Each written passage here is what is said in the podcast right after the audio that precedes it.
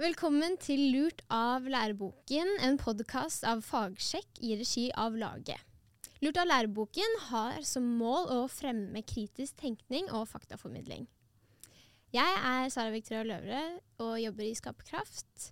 Og jeg har med meg Bjørn Are Davidsen, som er en eh, ivrig uh, faktasjekker, etterforsker, og er også redaktør i Fagsjekk. Ja, det kan bli litt mye faktasjekk iblant, men jeg prøver også å ta meg tid til en kopp kaffe innimellom. Ja, ikke sant. Det er bra. Og det gjør jo at du er en eh, bra Du er jo perfekt for denne her eh, podkasten, fordi vi prøver å gå etter, eh, etter sømmene og sjekke litt eh, fakta. Og i dag så skal vi se på om det er mest feil i prisbelønte bøker. Ja, det er jo et uh, interessant uh, spørsmål. Og uh, det er selvfølgelig ikke lett å, å, ha noen sånn oversikt over dette. Så jeg må tilstå at selv ikke jeg har gått gjennom dette nøye i å sette opp store Excel-ark og telt og regnet og, og undersøkt på den måten. Men det er et poeng, tror jeg, som vi kan se litt mer på i dag, at det faktisk er overraskende mye feil i prisbelønte bøker. Hmm. Forrige gang snakket vi om at myten om at folk i middelalderen trodde at jorden var flat. Er dette typisk feil i disse prisbelønte bøkene? Ja, det er eh, dessverre det, faktisk. Altså, dette er jo den kanskje letteste feilen å avsløre. Mm. Man, man, trenger ikke bruke mye tid på nett eller i en fagbok for å se at man i middelalderen overhodet ikke mente at jorden var flat, men at det var allmennkunnskap at jorden var rund. Alt fra lærebøker til uh, statuer, bilder i kirkene. Og uh, Derfor så er det ganske merkelig å se at uh, en uh, holde oss til temaet prisbelønt bok, mm. som Aschehougs i ettertid fra 2016 den forteller at eh, denne astronomen Kopernikus på 1500-tallet avviste tanken om at jorda var flat. Og han visste at paven og kirken ville straffe og fordømme han for å tale eh, imot det som kirken da lærte. Mens kirken på 1500-tallet og 1400-tallet og 1200-tallet og 800-tallet osv. mente altså at jorden var rund. Ikke at dette var noe sentralt punkt for kirken, men uh, alt det som var spredd av uh, lærdom på kloster, skoler og senere universiteter i Europa, og i den arabiske verden, den uh, understrekte at jorden var rund. Ja. Før vi går enda mer inn på dette med feil i prisbelønte bøker, så vil du kommentere noe om respons vi har fått på denne podkasten? Ja, det er jo litt sånn eh, spennende å starte en podkast. Eh, og eh, det vil jo være sånn at responsen avhenger av si, øynene som ser, eller mm. ørene som hører. Og vi har fått da to typer respons uh, siden uh, sist. Og det ja. ene er på at vi kom litt utafor temaet når vi snakket om jorden var flat, og begynte å snakke om uh, kjønnsspørsmål. Uh, og, og eh, liksom lot da den gjesten vi hadde, ikke liksom bli, bli imøtegått uh, på dette. Og sånn er det. Vi har gjester, og vi kan ikke drive oss og uh, ta opp alt som blir sagt. Mm. Enten vi er enige eller uenige. Og, og, hadde vi gjort det, så er jeg usikker på om gjester senere hadde liksom hatt lyst til å komme, da. Men det er mulig mm. vi vil ta opp sånne temaer i et annet program senere. Uh, og Det andre var jo uh, denne som uh, var litt bekymret for at Bjørn Are Davidsen var med. Han er jo kristen. og ja. slike folk kan jo ikke drive med faktasjekk, for de har jo rett og slett et utgangspunkt hvor de ikke er nøytrale. Så da får vi heller bare passe på det, da. og, og bli eh, undersøkt nøye, ekstra nøye kanskje, fordi at mm. jeg da faktisk, her er det bare å holde seg fast, har et ståsted. Mm. Men de, det vi forsøker i denne podkasten, og på Fagsjekk generelt, det er jo å bruke så nøytrale kilder som mulig, og mm. fagfolk, altså hva fagfolk sier om ulike temaer, uavhengig av fagfolkenes livssyn. Og hvis fagfolk fra flere livssyn er helt enige om noe, så er det jo desto større grunn til å ta det for uh, troverdig. Mm. det er sant. Og det, det ønsker vi jo. Å vise at eh, vi ikke kommer fra vår lille boble og en kristen boble. Og eh, kommer med våre synspunkter. Men vi ønsker å gjøre seriøs eh, faktasjekking. Det er det som er målet vårt, og om vi nå skulle bomme på det en gang iblant, jeg vet ikke om vi har gjort det ennå, men om vi skulle gjøre det, så er det bare å si fra. Så skal vi ta det opp i programmet Ja. etter om vi kan klare å rette opp, eller si hvorfor vi gjorde dette på den måten som da kom eventuelt uheldig ut. Mm, sant. Vi har sagt det før, og vi, vi kan gjerne si det igjen, at vi ønsker å være oppriktig ydmyke og åpne, for det, de innvendinger og spørsmål folk eh, måtte ha. Ja, da er vi veldig stolte av vår ydmykhet. ja. Det er fint. La oss eh, gå inn på dette her med de prisbelønte bøkene og feilene som er der. Er det sånn at det er mange feil, at det er en gjennomgående greie, eller er det noen tilfeldige tilfeller med feil? Det varierer fra bok til bok. Den jeg nevnte, i ettertid, fra 2016, der var det nok en tilfeldighet. For det har jeg ikke klart å finne så mange andre grove feil. Det vil alltid være noe feil i bøker, men denne er jo spesielt tydelig. Mm. Men så er det noen bøker som, som er eh, altså, liksom besynderlig fulle av feil.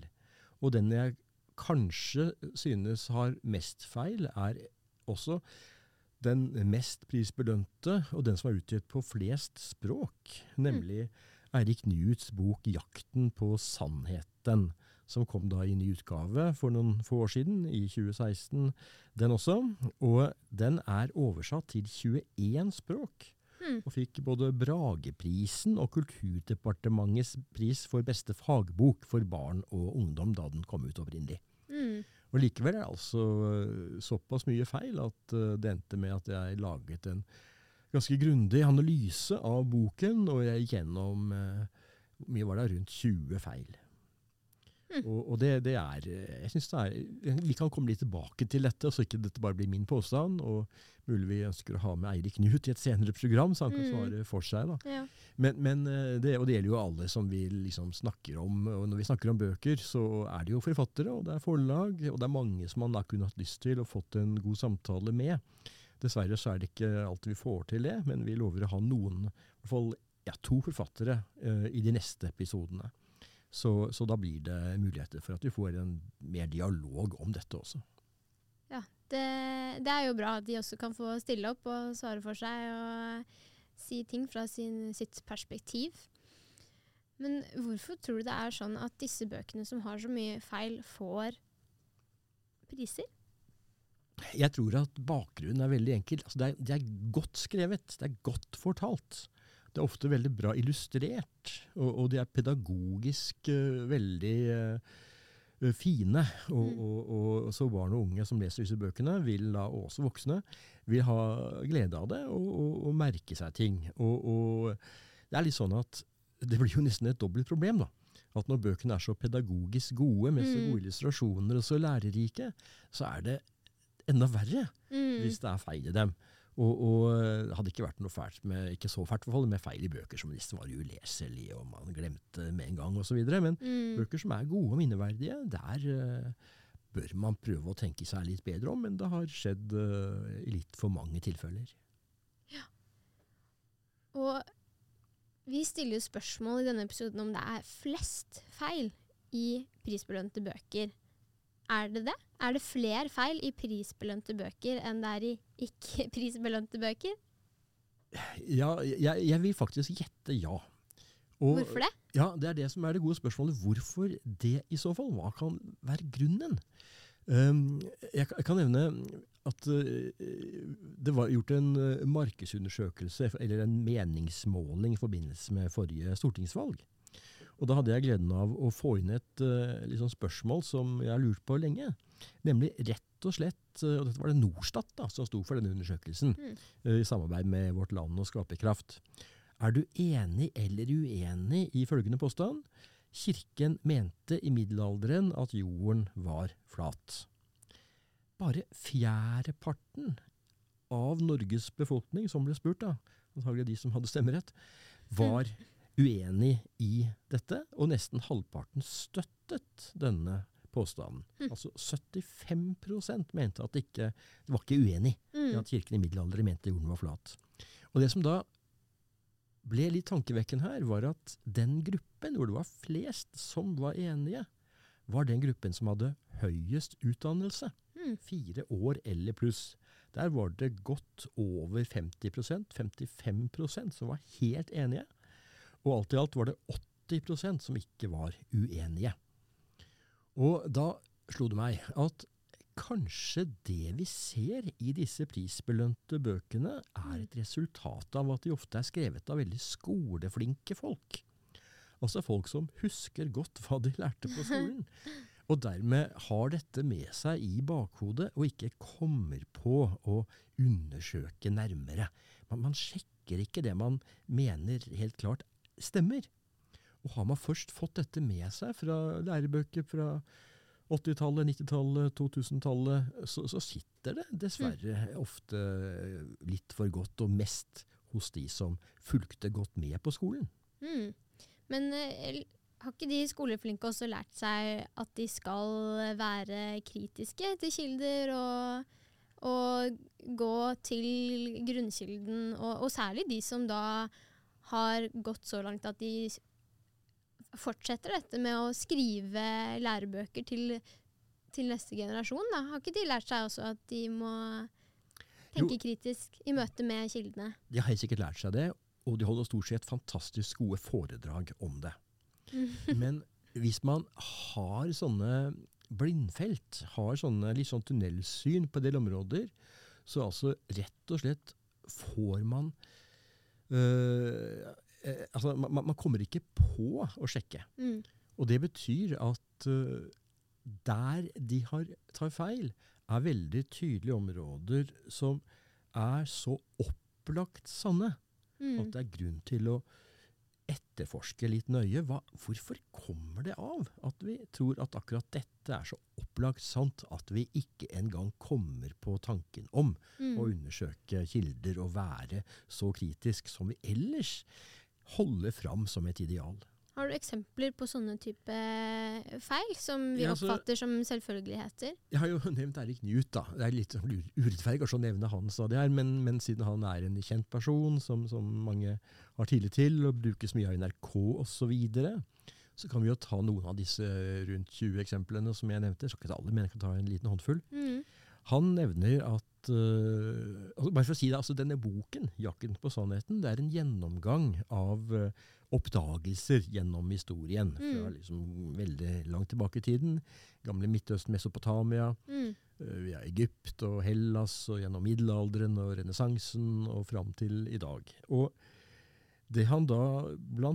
gjør når han skriver om middelalderen, det er å si at kirken nå fikk så stor makt at den stengte sykehusene fordi prestene fortalte at folk bare kunne bli friske ved å be til Gud.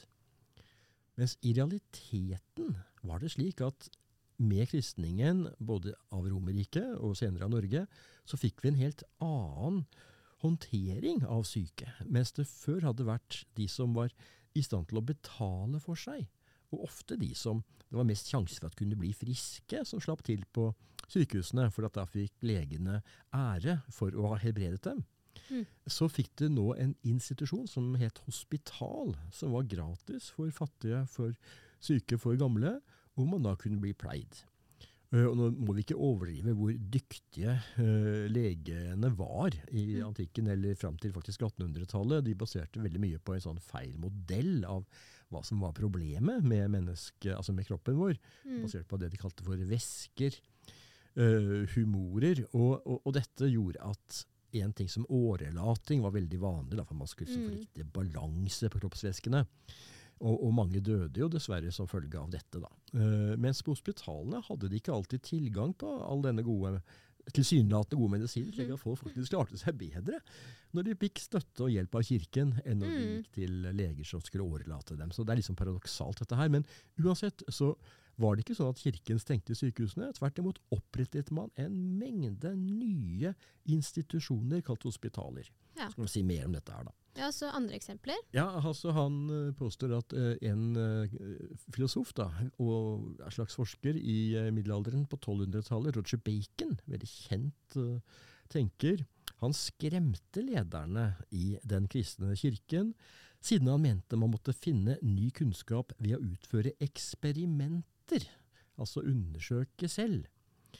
Det Newt ikke nevner, er at paven nærmest omfavnet denne Roger Bacon, så mye Mm. at han ba Bacon om å skrive ned alt det han visste, så paven kunne få tilgang på denne enorme kunnskapen. Og det endte med en 900 sider lang oversikt, kalt for Opus Maius, det store eh, skriftet, store, ja, om alt fra eh, naturfilosofi til tekniske vidundere, eh, kjøretøyer uten hester, ting som kunne gå i luft, fly osv. Mm. Altså veldig mye forskjellig. Men det som er det interessante her, er at hans tanker, Bacons tanker, kom jo ikke fra han satt liksom på sitt eget kammers og fant på ting han visste ville provosere kirken. Det var fra hans læremester ved universitetet i Oxford, Robert Grosteste, som levde i en, da, en generasjon før, på starten av 1200-tallet. Og dette er altså noe som var ganske akseptert på Bacons tid. Mm. Og, og at man skulle utføre eksperimenter for å finne ut av ting. Og det var ingen tegn til at verken Grosteste eller Bacon skremte kirkens eh, ledere. Mm. Og andre ting, altså så påstår han at kirken eh, diskuterte om kvinnen hadde sjel. Det er en klassisk myte. Nei, kirken har aldri diskutert det. Kvinnen har hatt sjel fra første stund i kirkens tanke. Ble døpt allerede på første pinsedag. Man kan lese i apostelen hennes gjerninger.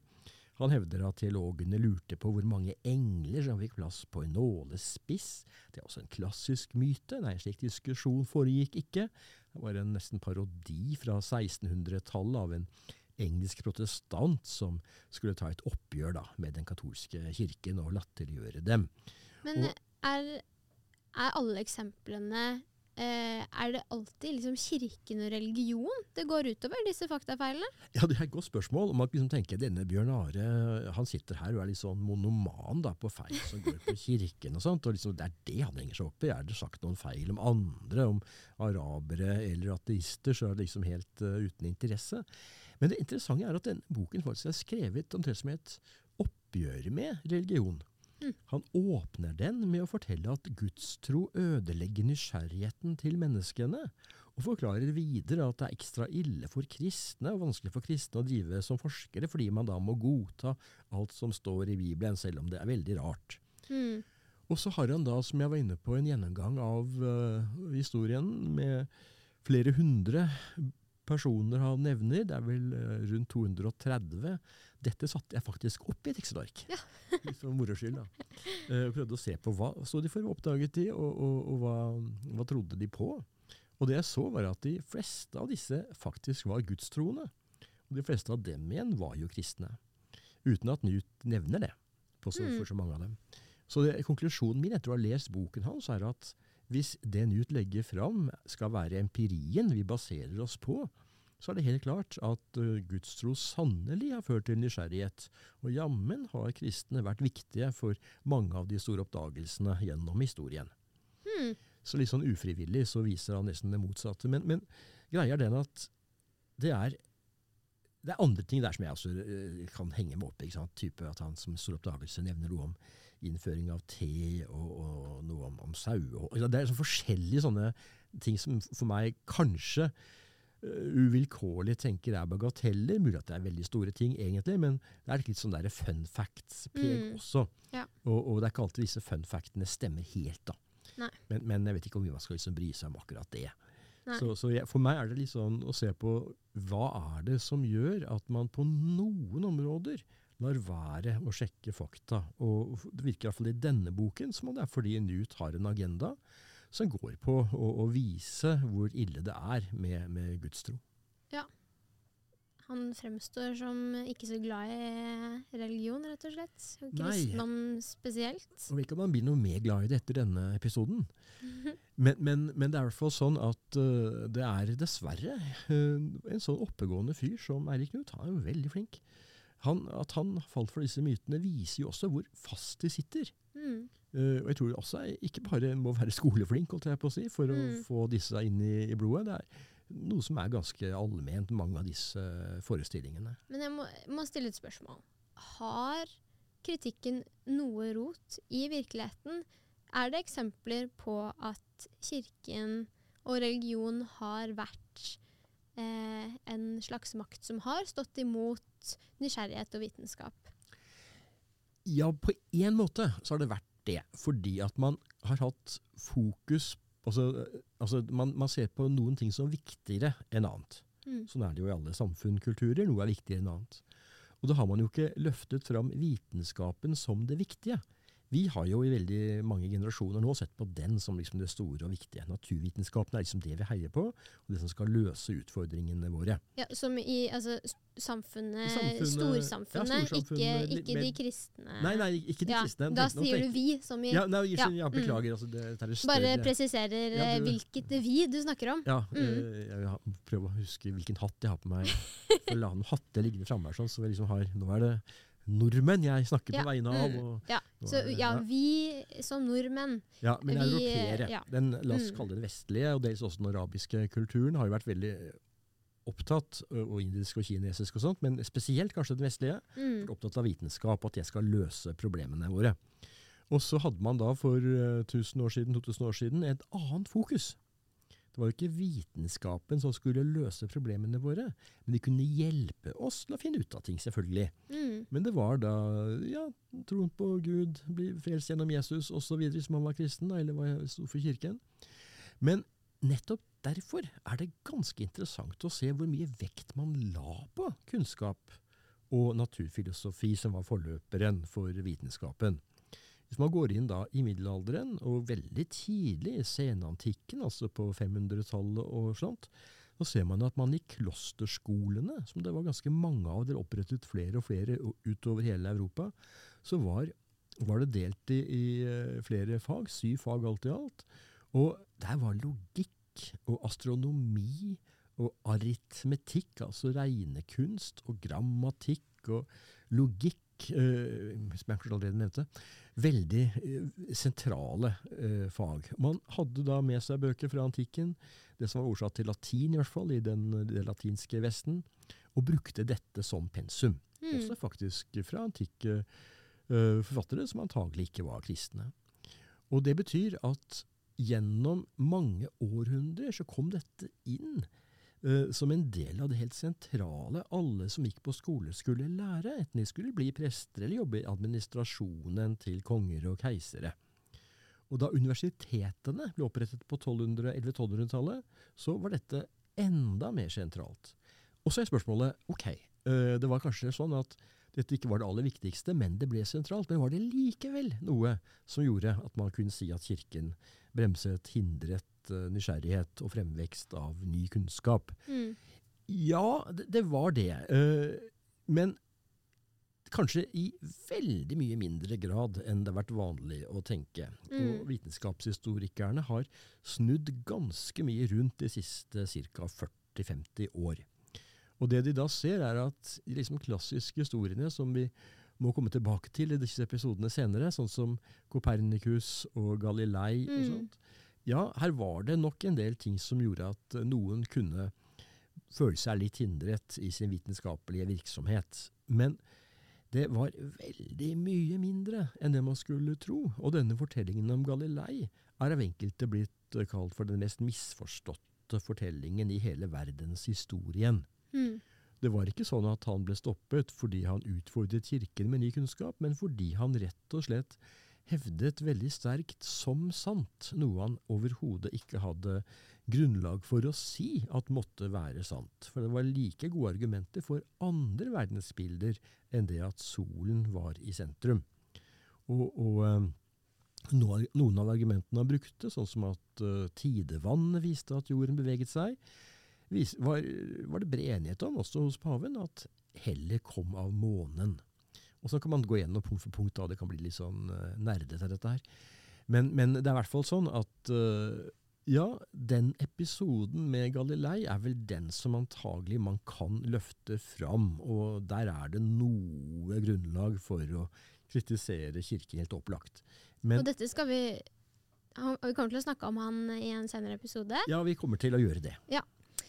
Da eh, går vi litt videre, og en ting som jeg har lyst til å eh, drøfte litt med deg her, er hvorfor disse konfliktperspektivene vinner frem. Eh, at det kanskje er noen konfliktperspektiver, eller at det har vært noe konflikt i historien, men i historiefortellingen så, så blir det Det virker jo som at det blir eh, satt en høyttaler ved, ved konflikter, og også funnet på, eller lest inn. Eh, og så Jeg har eh, et utdrag her som jeg har lyst til å lese og eh, høre dine kommentarer på. Og det er eh, Jan Olav e- Henriksen, som er professor ved Menighetsfakultetet, som skriver i Verdier i konflikt, som er en bok som handler om etikk i et mangfoldig samfunn, av Odin Lysaker og Terje Emil Fredsvall. Han skriver det at mye av det som i dag fremstilles i media om religion, handler om hvordan religion skaper fiender av det samfunnet som medlemmene er en del av. Dette gjelder til tross for at religioner sjelden har konflikt som en viktig del av sitt innhold eller sine praksiser. Dersom religioner forstås, forstås, først og fremst ut fra sitt konfliktpotensial, bidrar det til å skjule hvordan mennesker ofte lever side om side i sitt nabolag og fellesskap, med sine ulike overbevisninger og praksiser, men på måter som innebærer sjenerøsitet og gjestfrihet overfor dem som tror annerledes.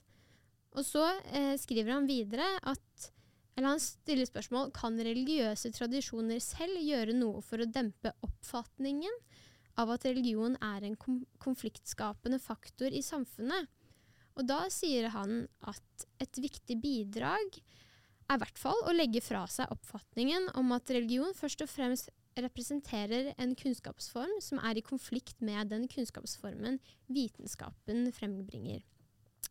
Og videre at dette er et tema som er viktig å ta opp, siden man ikke sjelden kan støte på oppfatningen om at religion eksisterer i et konfliktforhold til moderne vitenskapskultur og at oppfatningen om at religion og vitenskap må være i konflikt, fremmes av og tjener både konservative religiøse grupper og dem som har mest kritisk holdning til religion. Så det jeg lurer på, i lys av eh, Henriksens eh, sitat her Dette konfliktperspektivet som vi finner i media, og det at vi har religiøse grupper i dag som fremmer en oppfatning av at det er en konflikt, gjør det at vi leser nåtiden inn i fortiden. At disse moderne oppfatningene At det er det som gjør at dette konfliktperspektivet blir så rådende i, i historiefortellingen? Jeg har en sterk mistanke om det. Altså at vi rett og slett uh, ser fortiden i lys av uh, nåtiden. Uh, og hvis det bildet vi har av nåtiden, er at det er konflikt, at kristne f.eks. eller muslimer er uenige med naturvitenskapelige ting og angriper dette og motvirker det, så vil man da tenke at det har vært sånn gjennom hele historien. Mm. Og da vil man lettere falle for, eller ikke komme på å sjekke, disse historiene man hører om fortiden. Og, og, så er jo igjen et poeng at, tror jeg, at det inntrykket mange har av at det er så mye konflikter i religiøs sammenheng i dag, også er farvet motsatt vei. Altså at man har det i bakhodet at religion alltid har vært i konflikt med vitenskap, og alltid vært skapt mye problemer og sånt. Og da øh, løfter man fram det man finner i dag, som man ser speiler dette. Så, så, så, så dermed blir det en slags ond sirkel. Og det betyr ikke at jeg mener at uh, det i dag ikke er noen problemer med noen form for region, eller at er, uh, alt er fred og, og, og, fordragelighet mellom tro og vitenskap i alle grupper. Det er jo ikke det. Så, så, her er det helt klart ingen røyk uten ild. Men det som er, er et poeng her, er jo at skal man si noe om religion, eller om hva som helst egentlig, i nyhetsbildet, og kanskje også skrive noe om det i større analyser, så er det veldig fort gjort å ta det som skiller seg litt ut. Altså det er veldig mye mer nyhetsverdig å si at en, en prest uh, gjorde noe galt. En prest kjørte for fort, eller holdt preken i, i fylla, eller mm. uh, gikk et overgrep, uh, enn å si at at sognepresten oppførte seg bra i dag. Det er liksom ikke der nyhets, nyheten, mm. for det er det normale. Mm. At, at, prester og kristne oppfører seg bra. Vi vil, vi vil rett og slett ha litt action når, ja, ja. Vi, når vi, leser nyheter og, og, når vi får fortalt uh... og, og, hvis det man leser da i overskrifter eller uh, ser på nyhetene, er disse mørke uh, unntakene mm. Og det er det eneste man ser han kjenner ingen kristne, møter ingen utenom, liksom, så, så, blir det fort til at det er det som religion er. Man leser fra Midtøsten om krangler, og man leser fra USA om krangler eller hører osv. Uh, man ser en gruppe da, på, som står utenfor en abortklinikk og, og holder med opp store plakater og, og roper og skriker. Uh, og så vet man ikke at det er kanskje bare en gruppe på sju personer som står der. Mm. Noen aksjonister. Det er som ikke representativt, kanskje, for, for hvordan kristne i USA opptrer. Uh, og alt dette betyr at, som, som det du siterte, uh, understreker, ja, dette konfliktperspektivet er altfor vanlig. Det er det som er det kanskje normale når man skal beskrive religion. Jeg ser jo det samme at når, hvis man skal beskrive Arbeiderpartiet, så er det ofte konfliktene innad i Arbeiderpartiet mm. som man beskriver. Og det er litt sånn interessant at, at man istedenfor må løfte fram da, altså Dette er satt på spissen og det kommer sikkert litt feil ut fort. At hvis man skal lage en historie om Arbeiderpartiet, og det man da løfter fram, er en krangel mellom de gamle høvdingene Håkon Lie og Einar Gerhardsen, eller nyere tid mellom Gro Harlem Brundtland og Torbjørn Jagland, eller enda nyere mellom Eh, denne uh, seneste sant, mye polarisert debatt i Arbeiderpartiet mellom Trond Giske og andre. ikke sant? Istedenfor å løfte fram at man innførte folketrygd og, og sånn sånn, mm. kortere arbeidstid og hva det nå er man kan gi Arbeiderpartiet mest ære for, så blir bildet utrolig skjevt. Og inntrykket man har, er at det er det eneste stor kranglende gjeng som ikke får gjort noe som helst annet enn mm. å være sinte på hverandre. Mm. Men dette eh, Disse faktafeilene i, eh, i historieformidlingen eh, De Det har jo ikke nødvendigvis oppstått nå. Det er jo eh, feil som har fulgt eh, lærebok etter lærebok. Eh, hvor, hvor stammer mange av feilene fra?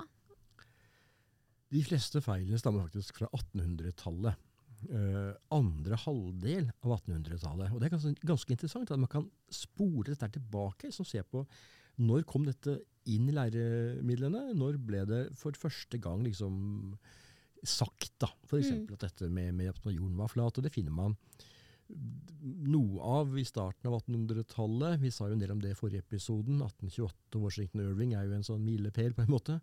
Men aller mest kom det da fram i to store bøker. En som kom ut i 1874, og en som het uh, Draper, som handlet om uh, uh, ja, problemene, the conflicts between vitenskap og tro i, i, kristenheten.